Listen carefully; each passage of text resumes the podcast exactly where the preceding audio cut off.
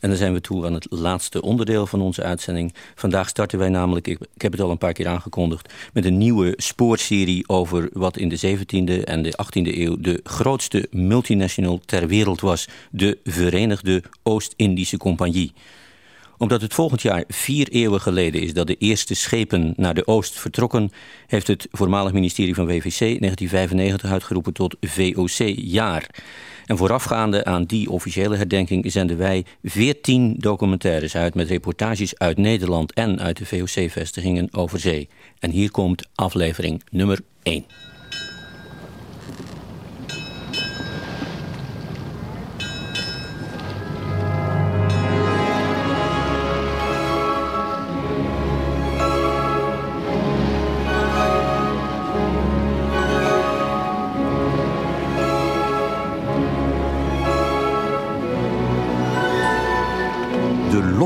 Compagnie.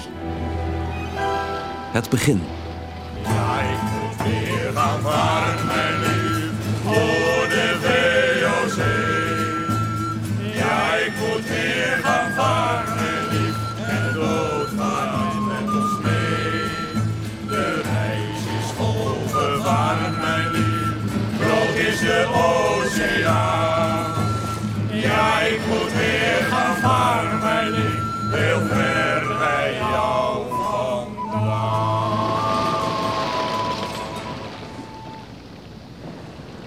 In 1596 verschijnt in Nederland de Itinerario van Jan Huigen van Linschoten. Het boekwerk dat een beschrijving geeft van de weg naar het Verre Oosten luidt een nieuw tijdperk in. In het begin van de 16e eeuw was de wereldhandel bij pauselijk besluit in tweeën verdeeld. Amerika viel toe aan de Spanjaarden en Azië aan de Portugezen. En deze brachten exotische goederen uit die werelddelen uiteindelijk op de Europese markt. Door de itinerario zou het nu, na een aantal mislukte pogingen om rond de Noord te varen, mogelijk worden via de Portugese zuidroute het rijke China te bereiken. Jan Huigen van Linschoten heeft zijn informatie vergaard in de 24 jaar dat hij rondreisde in het gevolg van de Portugese bisschop van Goa. Als hij in 1592 terugkeert in zijn geboorteplaats Enkhuizen, vindt hij de Nederlanden in oorlog met de Spanjaarden en de Portugezen. Door de Reformatie is een groot deel van de republiek Calvinistisch geworden. Enkhuizen vecht mee aan de zijde van prins Willem van Oranje. Bovendien is in die dagen de peper door het handelsmonopolie van de Portugezen schreeuwend duur. Dat maakt het des te lonender om zelf naar de oost te gaan. Kortom, het boek van Van Linschoten had op geen beter tijdstip kunnen verschijnen. Om er de letterlijke tekst op na te slaan, trok Paul van der Gaag met historicus Roelof van Gelder naar Enkhuizen, de geboorteplaats van Jan Huigen van Linschoten. Westerstraat van Enkhuizen. En dan lopen we af op de Westerkerk.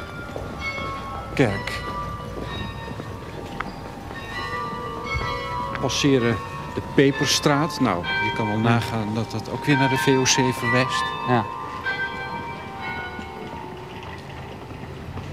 En die kerk hier aan het eind van de straat, dat, is hem. Dat is de bewuste kerk, waar een hele interessante afdeling is, namelijk de Libreien. Dat is een een, een, een, stadsbibliotheek. Die dateert al van het eind van de 16e eeuw. En uh, dat was een openbare bibliotheek. En die is nog steeds intact. Hier zijn we bij de kerk.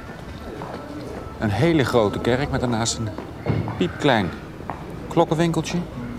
En als het goed is moet hier ergens een zijingang zijn. Waar we naar binnen kunnen. Ja, Itinerario, voyage of de scheepvaart van Jan Huigen naar Oost of de Portugaals. Wezende in het vadersland in de eerste jeugd en de geneigd zijnde tot het lezen van vreemde dingen van landen en de bijzondere en de vermakelijke geschiedenissen, met een grote verwekkingen der begeerte om vreemde en de onbekende landen te bezien of de enige avonturen te zoeken, hebben geresolveerd mij enige tijd te absenteren van het vadersland en de van conversatie met vrienden en de familie, hoewel het mij zwaar viel. Doch de verhopingen van dat het zouden mogen wezen een blussing in mijn lust hebben mij eindelijk een getroost zulks te aanveerden, vertrouwende op den Heere dat hij mijn voornemen zoude helpen volbrengen. Zo eh, begint Jan Huigen van Linschoten eh, een boek eh, wat hij schrijft als hij terug is. En dat is dan in 1592. Dan keert hij terug in Enkhuizen en hij is dan in allerlei zeer verre landen geweest. En dat boek, dat is eigenlijk een inspiratiebron om op de oost te gaan varen. Ja, dat heeft een hoop uh, ideeën geleverd uh, aan de Nederlanders om, dat, uh, om, om, om een compagnie uit te gaan reden, om naar Indië te varen. Linschoten had, zoals je in dit voorwoord ook schreef, 13 jaar in Indië gewoond en gewerkt in dienst van de Portugezen. Hij woonde in, in Goa, het centrum van de Portugese macht. In India. In India.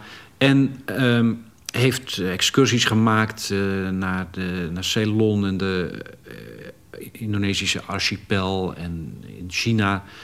Heeft dus waanzinnig veel gezien. Heeft ook een soort ja, reisdagboekje bijgehouden, denk ik. Aantekeningen gemaakt. En toen hij terugkwam in Enkhuizen in 1592... toen is hij um, dat uit gaan werken. Hij is dat op gaan schrijven... En heeft daar ook nog andere uh, geschriften bij uh, mm -hmm. gebruikt.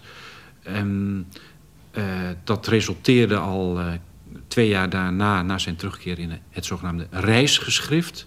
En in 1596 in het zogenaamde itinerario. En dat is eigenlijk een, zijn hoofdwerk geweest. En je kan zeggen dat dat een, een, een, een soort bestseller is geweest. Een, een geografische bestseller. Mm -hmm. het, het, het, het geografisch zeg je. Uh, er zaten ook allerlei kaarten in en beschrijvingen van routes, hoe je er moest komen. Ja, ja het beschrijft heel precies hoe je in Azië moet komen. Wat voor Nederlanders uh, vrij nieuw was, want die, die waren daar nog nooit zelf heen gevaren. het beschrijft de handelsroutes in Azië. Het beschrijft de, het handelsnetwerk. Dus wat werd er verhandeld en hoe en waar en wat kost het allemaal. Het is ook een een, een, uh, een soort aardrijkskundeboek met een hoop over de, de volkeren die daar leefden. En ook heel veel over flora en fauna. Mm -hmm. Dus een, een, een, een, een reisgeschrift dat tegelijk encyclopedisch is. Ja.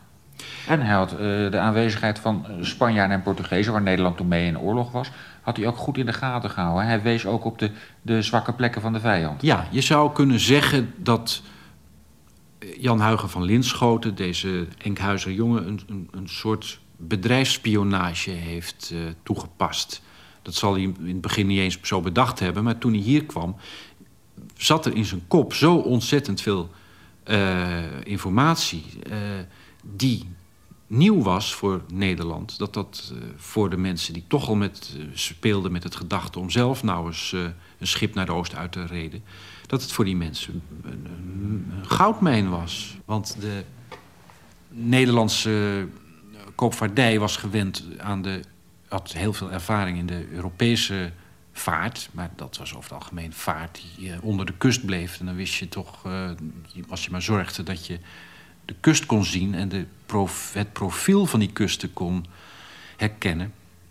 en je had goed, goede ervaring... dan, dan, wist je, dan kwam je wel aan waar je moest wezen. Maar als je naar Afrika vaart en, en, en om de kaap naar India... dan heb je grote stukken open zee.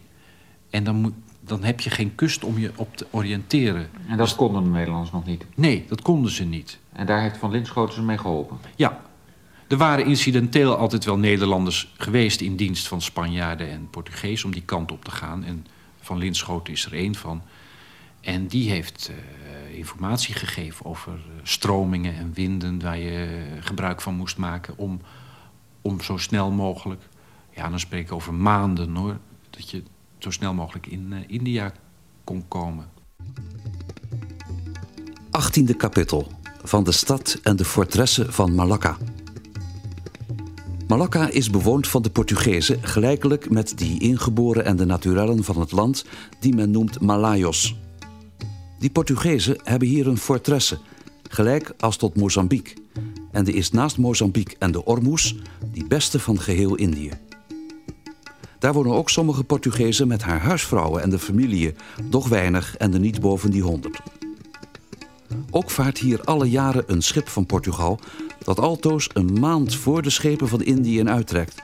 En die is altoos zo rijk van alle kostelijke waren en de specerijen als enig schip in Indië geladen werd. En de vandaar neemt het zijn koers weer naar Portugal. Hoewel de informatie van Van Linschoten goud waard is, blijft het een hachelijke onderneming om over de door de vijand bevaren wateren naar de oost te reizen. Toch willen negen Amsterdamse kooplieden de gok wagen. In 1594 richtten ze in het wijnhuis van Martin Spil in de Warmoestraat, in die tijd de welvarendste straat van Amsterdam, de Compagnie van Verre op. Met een plattegrond in de hand lopen Jacqueline Maris en historicus Femme Gastra door die straat die nu in het hart van de Rosse buurt ligt. Uh, zo woonde bijvoorbeeld in deze straat uh, de belangrijke uh, koopman Reinier Pauw ook uh, burgemeester van de stad. Belangrijk man in de politiek van de Republiek. En de voorzitter van het college van bewindhebbers van de eerste compagnie, de compagnie van Verre. Wat is de allereerste compagnie? De compagnie is dan een verband van een aantal kooplieden die tezamen het geld bij elkaar... Die hebben tezamen het geld bij elkaar gebracht om de schepen uit te rusten naar Azië toe. Maar dat was, als je het vergelijkt met nu, zou het een miljoenenonderneming zijn. Hè? Om schepen uit te rusten voor zo'n onzekere tocht. Want wie wist of ze ooit terug zouden komen en of ze met de specerij terug zouden komen? Ja, het was toen natuurlijk ook al eigenlijk zo'n grote en kostbare onderneming. En bij elkaar is voor de eerste tocht, in 1595 gingen de schepen daarvan weg... is voor die eerste tocht 290.000 gulden bijeengebracht. Dat is ontzettend veel geld in die tijd. Dat was toen ontzettend veel geld. Ja, ja. Nu nog trouwens. Nu nog, maar toen wel heel veel geld.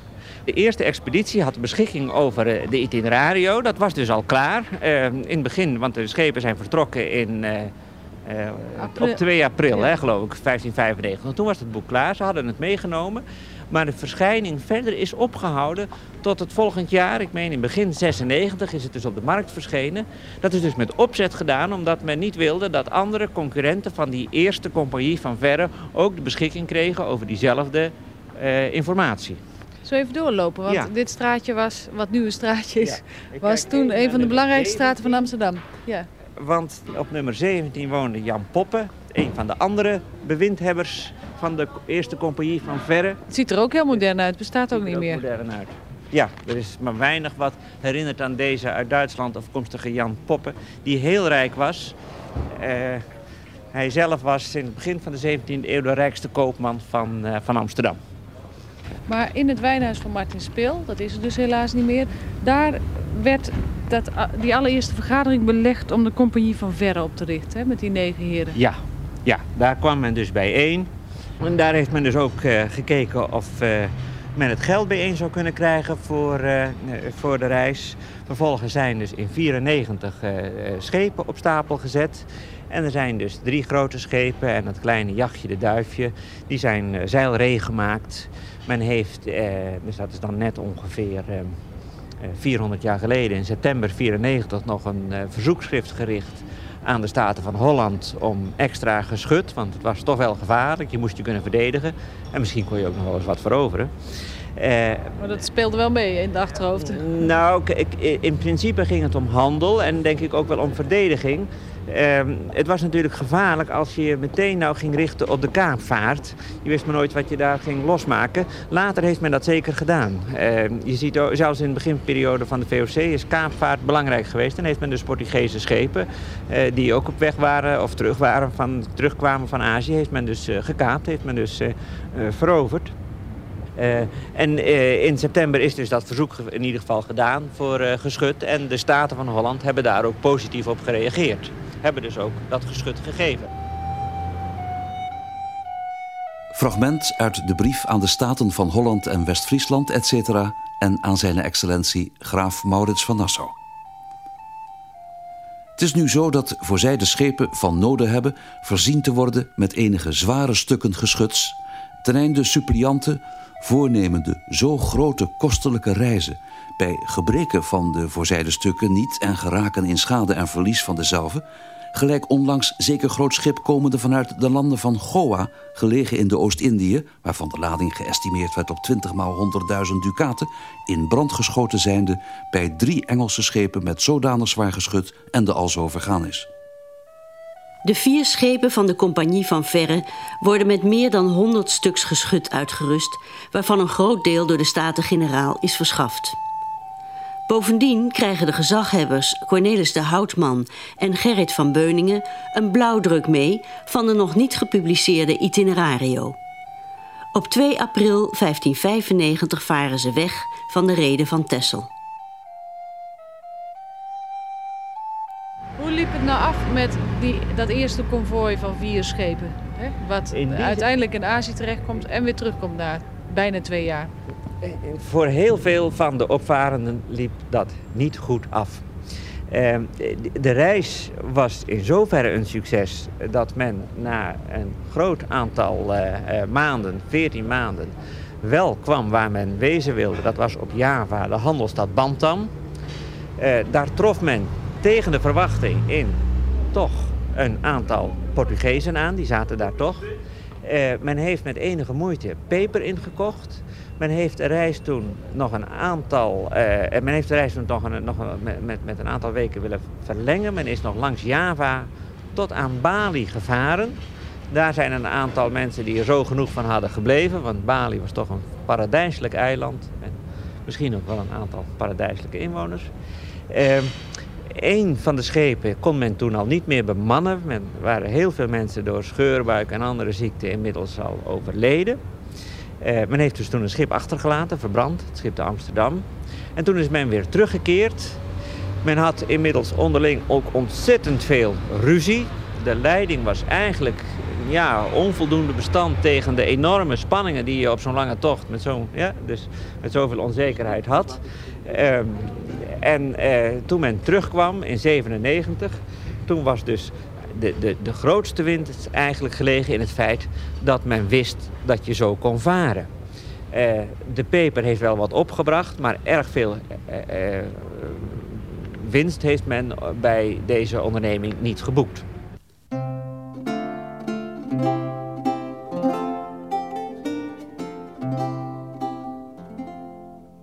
Ondanks de slechte afloop van de eerste expeditie vindt er een explosie van bedrijvigheid plaats. In Amsterdam alleen al worden er twee andere zogeheten voorcompagnieën opgericht en ook in Veren, Middelburg en Rotterdam rusten kooplieden schepen uit om naar de oost te varen. De drie Amsterdamse compagnieën fuseren. De door de nieuwe compagnie uitgezonden expeditie onder leiding van admiraal Jacob van Nek keert in 1599 terug met vier rijk beladen schepen. De winst zou 400% zijn geweest. Het verslag van de tocht, dat in 1601 verschijnt, meldt dat zolange als Holland Holland is geweest en zijn er zo rijkelijke gelaten schepen niet aangekomen. De Staten-Generaal zijn bevreesd dat de beoogde winst door de onderlinge concurrentie teloor zal gaan. Daarom dringen ze aan op samenwerking, hetgeen in 1602 resulteert in de oprichting van de Verenigde Oost-Indische Compagnie.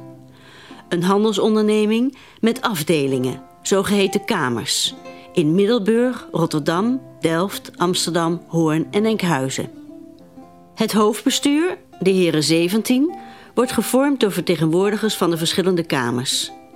Het beginkapitaal van meer dan 6 miljoen gulden wordt verkregen door de uitgifte van aandelen met een looptijd van 10 jaar. In ruil voor de fusie krijgt de Verenigde Compagnie het alleenrecht voor de handel met de Oost. In het zogeheten octrooi is vastgelegd dat de compagnie over zee de Staten-Generaal mag vertegenwoordigen. Men mag forten bouwen, de rechtspraak ter plaatse overnemen en gouverneurs aanstellen. De zes kamers van de VOC worden de belangrijkste steden in de Republiek. Met Els van Eyck, directrice van het Amsterdamse Scheepvaartmuseum, liepen we op zoek naar overblijfselen uit de VOC-tijd door Hoorn, een stad die in 1602 rond de 14.000 inwoners telde. In het hoogseizoen werkten zo'n 350 mannen, kostwinners van grote gezinnen, voor de VOC.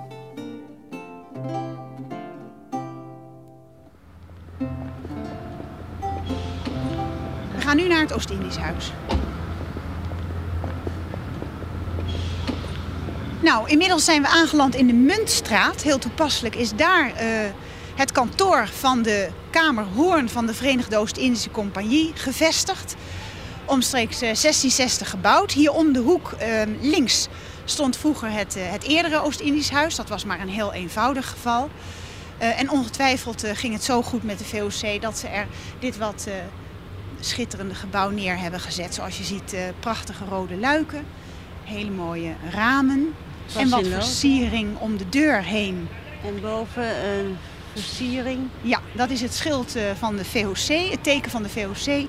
H, dat is natuurlijk voor hoorn. En hier kwamen dus eh, de bewindhebbers van de Verenigde Oost-Indische Compagnie bij elkaar.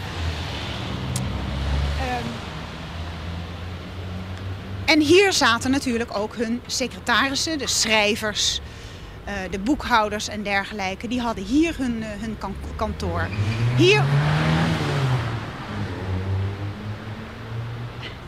De stad Hoorn is, uh, is tegenwoordig misschien wel wat luidruchtiger. Maar ook in de, in de 17e en de, de 18e eeuw was er hier veel gaande. Zit niet mee.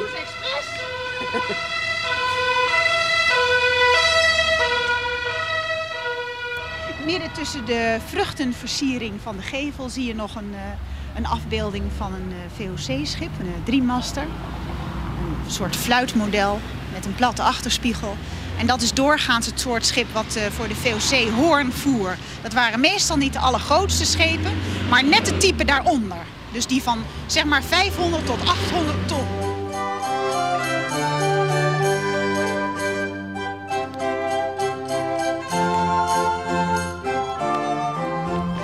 Staan uh, aan een grachtje in Hoorn, onder de boompjes. Zo heet het hier ook. En hier aan de overkant twee trapgevelhuizen. Ja, aan uh, de gracht onder de boompjes, daar lagen twee pakhuizen van de VOC naast elkaar met de klassieke trapgevels en de rode uh, luiken langs de, langs de ramen. En die zijn er nog steeds, hè? Ja, en ze zien er nog steeds prachtig uit. Ze zijn uh, gerestaureerd, heel duidelijk. Uh, op het linker pakhuis, daar zie je een tafereel met twee Oost-Indië-vaarders. En daar staat heel duidelijk onder VO Compagnie, Verenigde Oost-Indische Compagnie. Uh, op zichzelf uh, is dat heel aardig gedaan, omdat mensen nu heel goed kunnen zien nog steeds welke functie deze gebouwen hebben gehad. Um, in deze pakhuizen werden natuurlijk de ladingen opgeslagen. Niet alleen voor de, van de terugreis, maar ook de ladingen die mee moesten met de VOC-schepen. Um, heen ging er niet zoveel spectaculairs bakstenen, molenstenen. Heel veel voedsel natuurlijk voor de heenreis voor eh, de bemanning. Die eh, acht maanden lang eh, gevoed moest worden. En natuurlijk alle bestellingen die gedaan waren door de mensen in Azië. Die mensen in Azië die hadden bijvoorbeeld grote behoefte aan allerlei spullen als hoeden en kleding, schrijfgereedschap, al die dingen die ze daar in Azië niet konden kopen. En die bestelden ze dan in, in Nederland en die werd dan meegenomen op zo'n VOC-schip.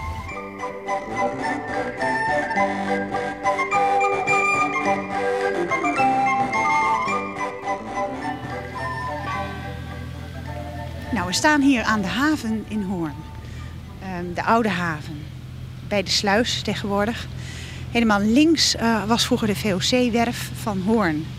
Eén van de twee grote werven van de stad. Want de andere belangrijke grote werf was die van de admiraliteit, de marine. Op de VOC-werf werkte in, het, uh, in de zomer, want dan werd er aan de schepen vooral gewerkt, uh, zo'n 200 tot 250 mensen. En dat waren natuurlijk vooral de gewone timmerlieden, de mensen die gewoon het handwerk uh, deden. Die verdienden zo ongeveer 32 stuivers per dag. in de winter, in de herfst en in de winter, dan werd het werk wat, wat stilgelegd, want dan was het wat koud om te werken in het algemeen. Dan werd er wat reparatiewerk gedaan aan uh, schepen die uh, teruggekomen waren en daar slecht aan toe waren. Door de lange reizen van, uh, van acht maanden. En vaak ook nog eens een jarenlang verblijf in Azië. Waren die, die scheepshuiden waren helemaal aangegroeid. Die moesten helemaal worden afgekrapt en afgebrand, ging dat meestal. En werden schepen ook schuin gelegd om ze helemaal af te branden. Al dat werk was natuurlijk handwerk. Dus zoals in die tijd natuurlijk gebruikelijk, had, had men vele handen nodig. En dus gaf de werf in Hoorn veel werk. Op de werf van de VOC in Hoorn uh, werkte men doorgaans aan één of twee schepen tegelijk. Niet zo heel erg veel. De Kamer Hoorn moest zorg dragen voor één achtste deel van de productie van de, van de VOC aan, aan schepen. En de heren 17 bepaalden of er een schip gebouwd moest worden, ja of nee. En van de totale productie van ongeveer 1500 schepen, iets van 1450 om precies te zijn, heeft, heeft Hoorn er 102 gebouwd. En dat waren uh, niet de grootste schepen. Ze hebben maar vijf hele grote schepen gebouwd boven de 1000 ton. Dat zijn echt de grootste schepen. En verder hebben ze voor het, over het algemeen schepen gebouwd tussen de 500 en 800 ton. En ook wel de kleinere natuurlijk. Dat is nou, als je het omrekent, ongeveer 7% van de totale productie.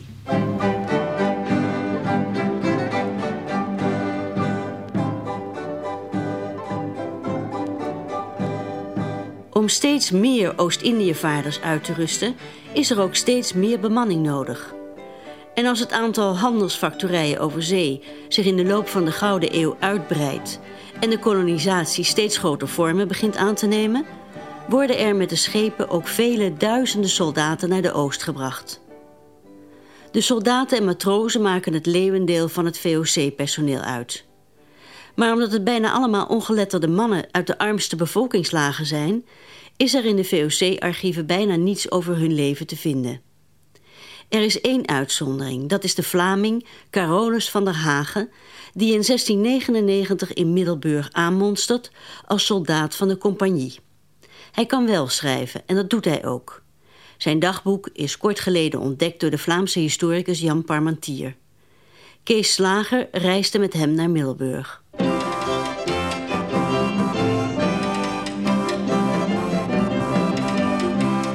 Den 15e vertrokken wij naar Middelburg in Zeeland, alwaar wij gingen logeren ten huize van Marten van Maai, of te beter gezegd Marten de Pape, in het Witte Paard in de Vlissingse straat, het welk buiten ons weten een zielverkoper was.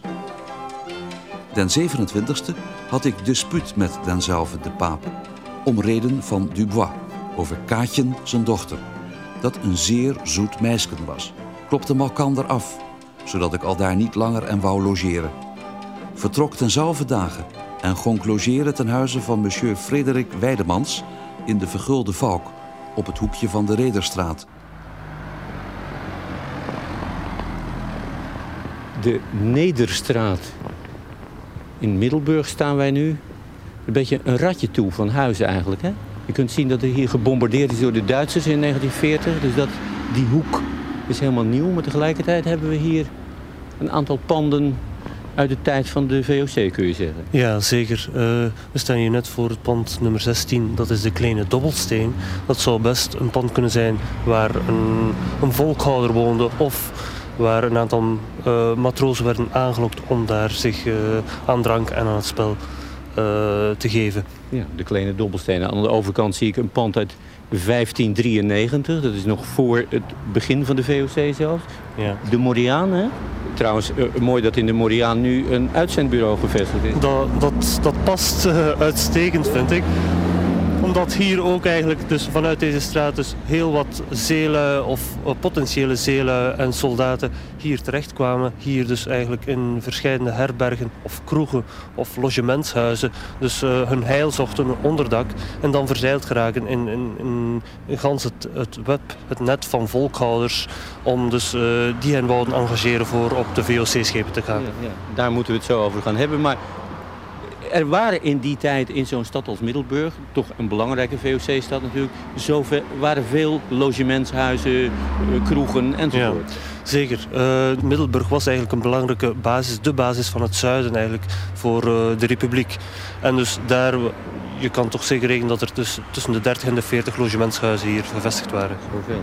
En onze vriend Carolus van der Hagen, waar jij de dagboek van gevonden hebt, die moet En nu draaien we ons om daar in dat pand, althans in een pand gelogeerd hebben... waar nu een splinternieuw pand staat, want dat is in geval door de Duitsers in 40 weggebombardeerd. Ja, dus in dat pand dat heeft hij neergeschreven dat hij dus toen hij uit Vlissingen kwam sorry, en op een beurschip hier in Middelburg belandde, heeft hij daar eerst zijn heil gezocht of, of toch onderdak gevonden. Ja, recht tegenover het pand waar Carolus uh, in het web van de VOC uh, zielverkopers terecht is gekomen, is overigens hier een ander hotel pension. Zullen we eens proberen of we binnen kunnen komen? Nou, dit zit op. Een klopper. Eenmaal binnen in het pension blijkt tot verbazing van Jan Parmentier dat de eigenaar papieren heeft waarin staat dat dit het pand is dat ooit de Vergulde Valk heette. De herberg dus, waar Carolus in terecht kwam en waar hij al snel werd ingepalmd door de waardin Hester, een zielverkoopster. We zitten nu binnen in ja, de Gouden Valk, of het Gulden Valkje dus. In een klein kamertje waar een paar vogeltjes, of één vogel, nee, twee vogeltjes uh, voor de achtergrondgeluid uh, zorgen. En we zitten voor het raam in het zonnetje en kijken uit op het water waar ooit de VOC-schepen uh, aanmeerden. En dit raam is er waarschijnlijk zelfs niet geweest. We weten intussen zoveel van het pand dat we nu voor de deur zitten ongeveer. Ja, we zitten hier voor de deur van dus een logementshuis dat bijzonder dicht gelegen is mm, dichtbij het, uh, het hoofdgebouw van de VOC, waar dus Carolus en ook andere uh, ongelukkigen, zou ik bijna durven zeggen, uh, moesten intekenen. Dus het is dus zeer logisch en eigenlijk zeer gebruikelijk dat hier al die volkhouders, die zielverkopers, hun herberg hadden. Volkhouders, zielverkopers, je gaat het me nu even uitleggen eh, wat waren dat? Eh, hoe werkte het systeem om soldaten en matrozen te werven? Ja, het systeem was dus wanneer dat vreemdelingen of werklozen of ook matrozen en soldaten die afzwaaiden of van boord kwamen, die zochten dus eerst een onderdak, logement. Dat werd hen aangeboden door een volkhouder, een herbergier, een, een soort ronselaar.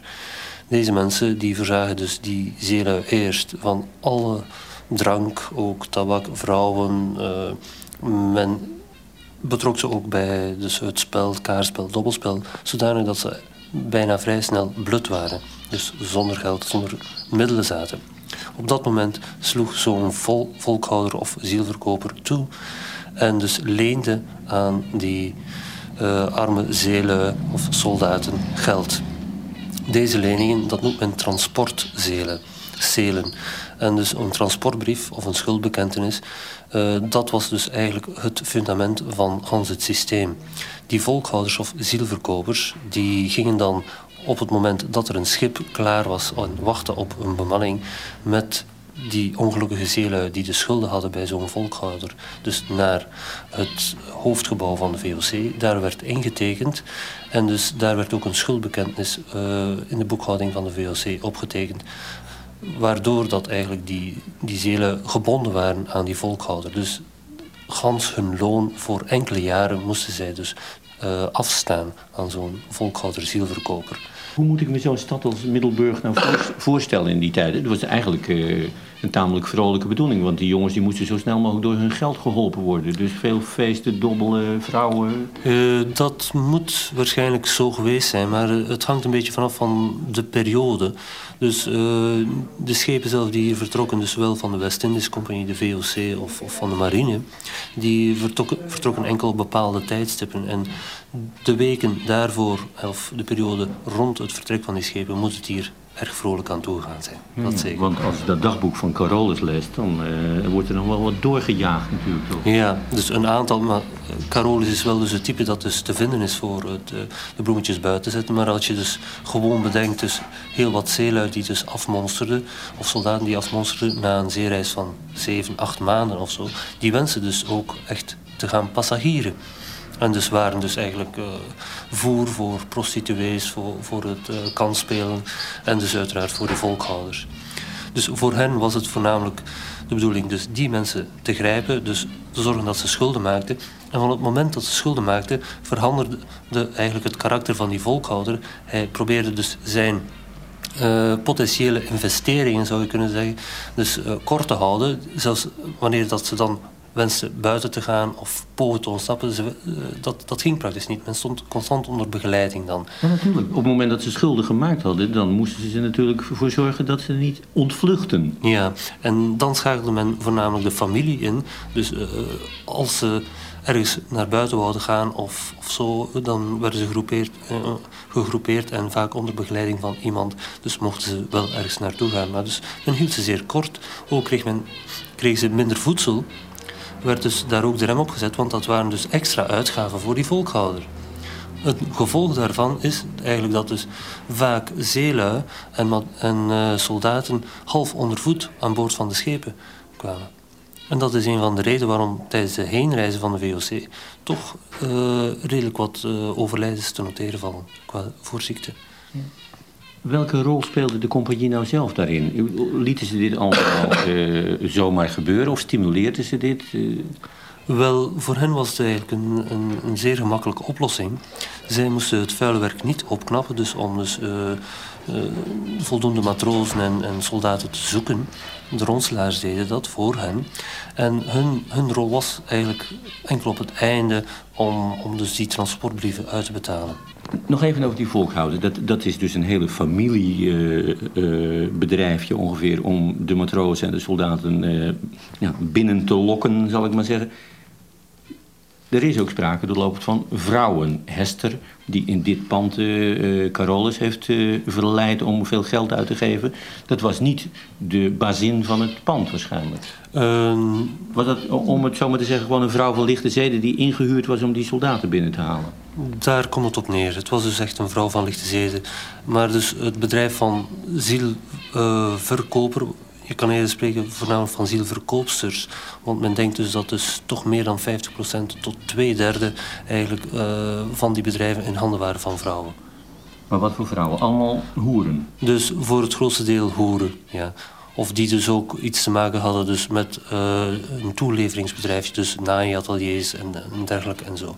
Maar dus zij hadden dan, stel bijvoorbeeld dat die volks, die zielverkoopster een ander beroep had, dan had ze dan onder zich ook een aantal prostituees om dus uh, de potentiële zeelui te lokken. Hoeveel procent van die mensen heeft nu het avontuur overleefd? Uh, meestal is dat, uh, men schat ongeveer een derde dus, uh, al het personeel heeft het avontuur overleefd.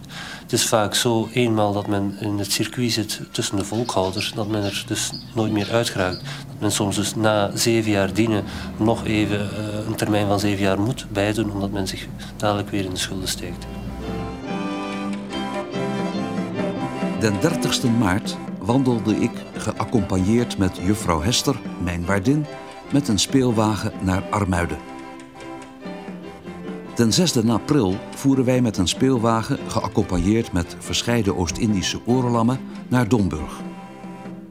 Voorts voer ik met Piet den Boer en andere kennissen over naar Zierikzee om te jagen, alwaar wij verbleven enige dagen.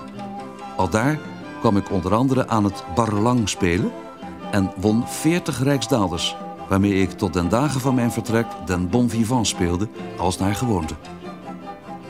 Den 25 april ontving ik op de Oost-Indische Kamer een transport van 150 gulden ten profijte van schoon Hestertje mijn waardinne. Den 29e ontving ik op het Oost-Indische Huis revenue als simpel soldaat om naar Batavia te varen ten prijze van 9 guldens per maand ontvangen terzelfde tijd twee maanden op de hand. Gongen daarmee instantelijk aan boord, als arme zondaars, aan het schip genaamd IJsselmonde, dat voor Rammekens ten anker lag, alwaar voor het lest onze dagen eindigen. Ja, ik moet weer gaan varen, mijn lief, heel ver bij jou vandaan. En lijden wij schipbreuk dan is de kans groot dat wij zullen sterven de verdrinkingsdood. Maar wij zijn zo arm, wij moeten wel naar zee. In armen gedreven van de VOC. Ja, ik moet weer gaan varen, mijn lief, voor de VOC. Ja, ik moet weer gaan varen.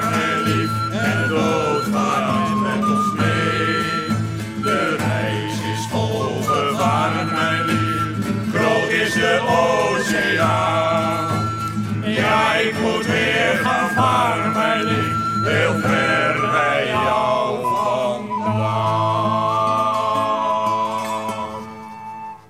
En dat was het eerste deel van De Loffelijke Compagnie. En hoe het verder gaat met Carolus van der Hagen en zijn lotgenoten hoort u volgende week in deel 2 over het leven aan boord van een VOC-schip. Deze uitzending kwam tot stand met steun van het Stimuleringsfonds Culturele Omroepproducties en met dank aan de zangers en muzici van Dwarsgetuigd. Wilt u trouwens een cassette bestellen, dan kan dat door 10 gulden over te maken op Giro 444600 onder de vermelding van Het Spoor Terug VOC deel 1. En wilt u de hele serie van 14 afleveringen, dan hoeft u slechts 60 gulden te storten op datzelfde Giro-nummer 444600 en dan vermelden Het Spoor Terug, serie VOC.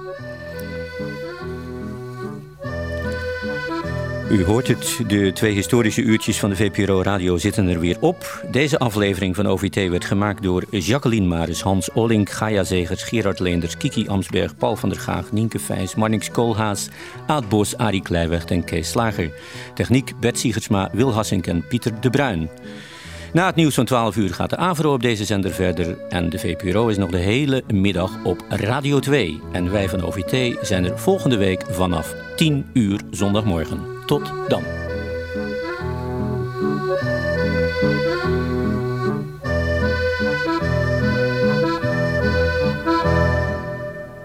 En daarmee, geachte luisteraars, laat ik u over aan de verpozen die de radio u plicht te bieden.